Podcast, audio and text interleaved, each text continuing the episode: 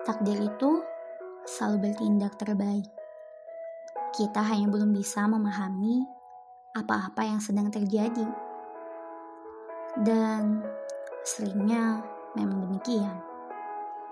Kita baru bisa memahami kejadian selepas ia melewati waktu. Kadang hingga bertahun. Kadang hingga kita sudah lupa kejadiannya.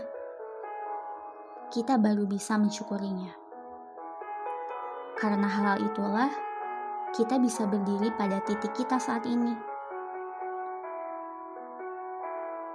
Menjadi orang yang berharga, lebih bijaksana, dan menemukan kemudahan dalam menjalani tujuan.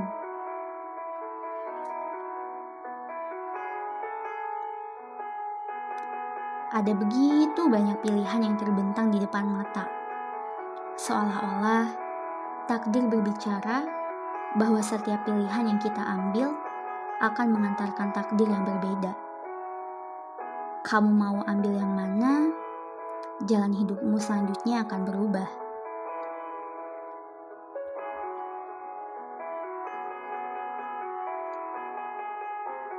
Maka, bersyukurlah bagi kita yang masih bisa membuat pilihan. Sebab, ada orang-orang yang tidak memiliki pilihan sama sekali.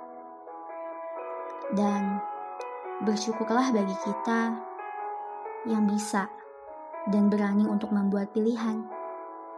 Sebab, ada orang-orang yang bahkan tidak berani untuk membuat pilihan bagi dirinya sendiri.